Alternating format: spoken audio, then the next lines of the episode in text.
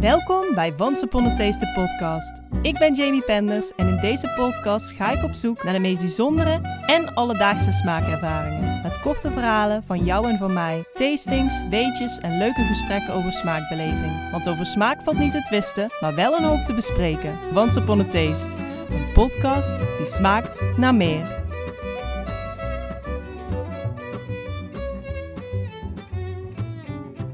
Er was eens het Proust-effect. Het was mijn Frans-docente Chloe die mij drie jaar geleden voor het eerst het verhaal vertelde over Proust-madeleine en het Proust-effect. Ze bakte zoals beloofd madeleines voor mijn laatste Fransles. Zachte, boterige cakejes, gebakken in de vorm van schelpjes. Dit was een van de weinige recepten die ze wel eens bakte, zo vertelde ze mij. Omdat het zo lekker eenvoudig was.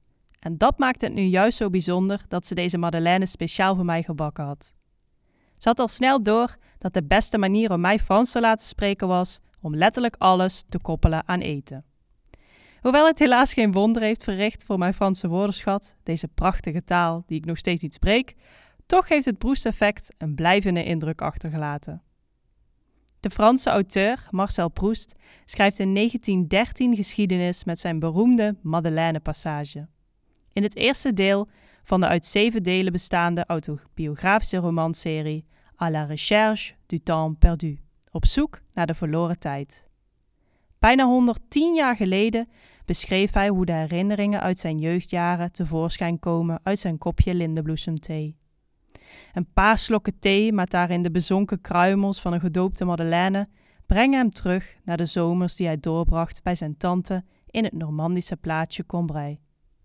Van het oude grijze huis van zijn tante, het stadje in de ochtend en avond, onder alle weersomstandigheden, de straten, het plein en de parochiekerk, tot de waterlelies op de Vivant rivier. Het volgende citaat uit de Nederlandse vertaling van het boek neemt je een stukje mee in de poëtische belevingswereld van Marcel Proust. Ik bracht een lepel thee naar mijn lippen, waarin ik een stukje madeleine had laten verzachten. Maar op het moment dat de slok thee gemengd met cakekruimels mijn gehemelte raakte, beefde ik, attent op het buitengewone dat er in mij gebeurde. Fun fact: pas in de derde versie van het manuscript werd het een zachte madeleine die zorgde voor de beroemde geheugentrigger. In eerdere conceptversies van het boek was het aanvankelijk een geroosterde boterham met honing en een biscuitje die deze levendige herinneringen opwekte. Deze passage wordt beschouwd als een van de eerste beschreven ervaringen waarin onverwachts een herinnering uit het verleden wordt opgeroepen door smaak. Het terughalen van herinneringen en emoties door zintuigelijke ervaringen wordt daarom sindsdien het Proust-effect genoemd. Het Proust-effect verwijst naar het levendig herbeleven van gebeurtenissen uit het verleden door zintuigelijke prikkels, dus ook door ruiken, voelen, horen en zien. De titel van het in 2014 verschenen boek van Cretien van Kampen weet dit verschijnsel misschien wel het beste vatten. The Proust Effect: The Senses as Doorways to Lost Memories. De zintuigen als doorgangen naar verloren herinneringen.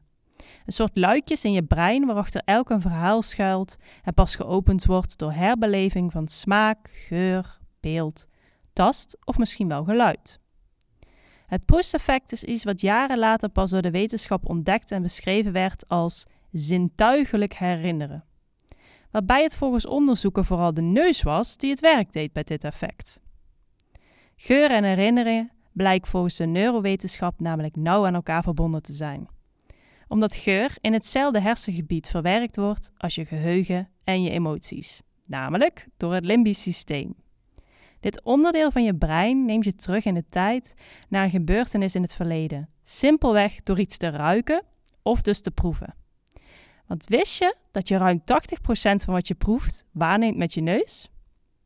Wanneer je ademt en wanneer je eet, adem je geurmoleculen in en uit via je neus, mond en keelholte, welke met elkaar in verbinding staan.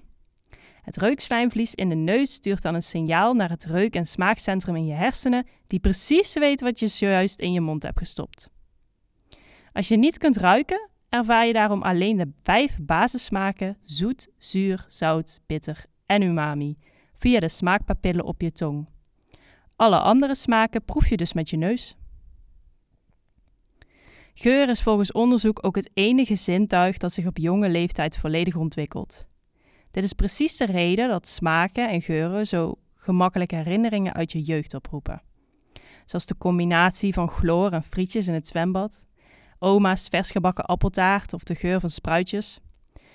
Vooral geur en emotie vormen samen een herinnering, omdat het een belangrijke functie heeft om je te beschermen.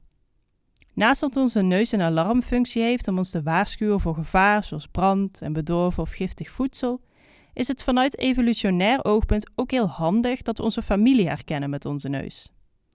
Maar het heeft ook veel invloed op onze relaties en onze stemming. Denk aan dat lekkere luchtje waar je helemaal wild van wordt, of juist die vieze adem van je collega waar je liever uit de buurt blijft. Door geur worden je hersenen van jongs af aan geprogrammeerd met wat veilig en fijn voor je is en wat je juist als gevaar en onprettig ervaart. En juist daarom kunnen geuren zulke sterke gevoelens oproepen, omdat je limbisch systeem geur koppelt aan herinneringen en dus sterke associaties kan oproepen met iets wat je ooit eerder hebt meegemaakt. Zonder dat mijn Frans docente Chloe het weet, heeft ze een belangrijk zaadje geplant voor het starten van deze podcast. Het is onbewust de grootste inspiratiebron geworden voor Once Upon a Taste. En daar ben ik haar enorm dankbaar voor. Onze emotionele en zichttuidelijke ervaring is wat ons mens maakt en ons verbindt met elkaar. Hoe oud je ook bent of waar je ook vandaan komt, iedereen heeft bijzondere en alledaagse herinneringen aan eten, die ons terug kunnen brengen in de tijd. En de mooiste verhalen en ervaringen kunnen opleveren. Want smaak staat gelijk aan emotie. En dat is precies wat mij zo nieuwsgierig maakt. Bedankt voor het luisteren naar de allereerste aflevering van Once Upon Taste. Heb jij de smaak te pakken? Abonneer je dan op deze podcast, zodat je geen enkele aflevering hoeft te missen. Volg me op Instagram at of neem een kijkje op www.onceuponattaste.com. Heb jij een mooi verhaal die je graag wilt delen? Een short story om voor te lezen of misschien een interessante vraag of gespreksonderwerp? Laat het me dan weten via info at. Once a Taste, een podcast die smaakt naar meer.